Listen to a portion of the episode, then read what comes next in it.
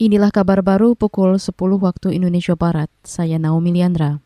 Kasus COVID-19 varian Omicron saat ini ibarat seperti puncak gunung es. Menurut epidemiolog dari Universitas Griffith Australia, Diki Budiman, masih banyak kasus positif Omicron yang belum ditemukan dan tidak terlaporkan.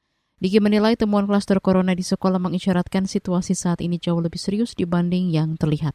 Dan yang menjadi masalah adalah dan salahnya adalah banyak Pemda ini menunda-nunda ketika sekolah harus buka ya nunggu uh, sampai benar-benar ya salah sedangkan mall dan lain sebagainya masih sudah duluan dibuka. Ini yang salah kaprah.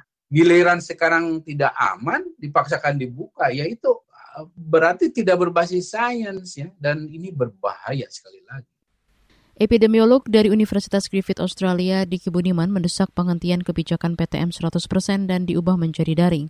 Nantinya PTM bisa dilaksanakan lagi sesudah kasus Omikron melandai atau diperkirakan pada akhir Maret.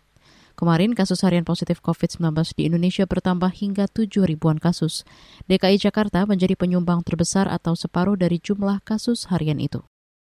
Kementerian Tenaga Kerja bakal menindak secara hukum pihak-pihak yang terlibat penempatan pekerja migran Indonesia PMI secara ilegal. Menteri Ketenagakerjaan Ida Fauzia menegaskan akan mencabut izin perusahaan penempatan pekerja migran Indonesia atau P3MI yang melakukan tindakan tindak tidak sesuai prosedur. Selain itu, Kementerian Ketenagakerjaan juga akan melaporkan P3MI tersebut ke kepolisian. Namun Indonesia juga meminta negara penempatan pekerja juga ikut berpartisipasi dalam penegakan hukum dan bersikap tegas. Misalnya dengan menghukum para majikan atau agen-agen ketenaga kerjaan yang melakukan tindakan di luar prosedur. Ida mengklaim sudah melakukan kesepakatan penguatan prosedur penempatan PMI dengan Malaysia dan Arab Saudi. Kepada otoritas kerajaan Saudi misalnya, Ida meminta agar lebih selektif lagi menerbitkan visa ziarah atau kunjungan ke Tanah Suci bagi pekerja migran Indonesia PMI karena sering disalahgunakan. Badan Geologi Kementerian ESDM akan menambah alat pemantauan vulkanik di Gunung Semeru, Jawa Timur. Menurut Kepala Badan Geologi Eko Budi Lelono, alat-alat itu berupa 20 unit pemantau seismik, 6 unit tilmeter. Kemudian 12 unit GPS, 10 unit thermal kamera dan DSLR, 2 unit pesawat tanpa awak, dan 10 unit kamera video digital.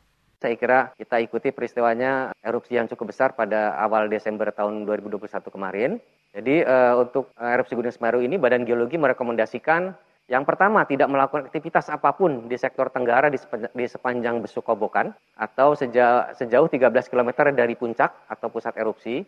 Kepala Badan Geologi Eko Budi Lelono mengimbau masyarakat untuk sementara waktu tidak beraktivitas pada jarak 500 meter dari tepi sungai atau sempadan sungai di sepanjang Besuk Kobokan karena masih ada potensi terlanda perluasan awan panas dan aliran lahar.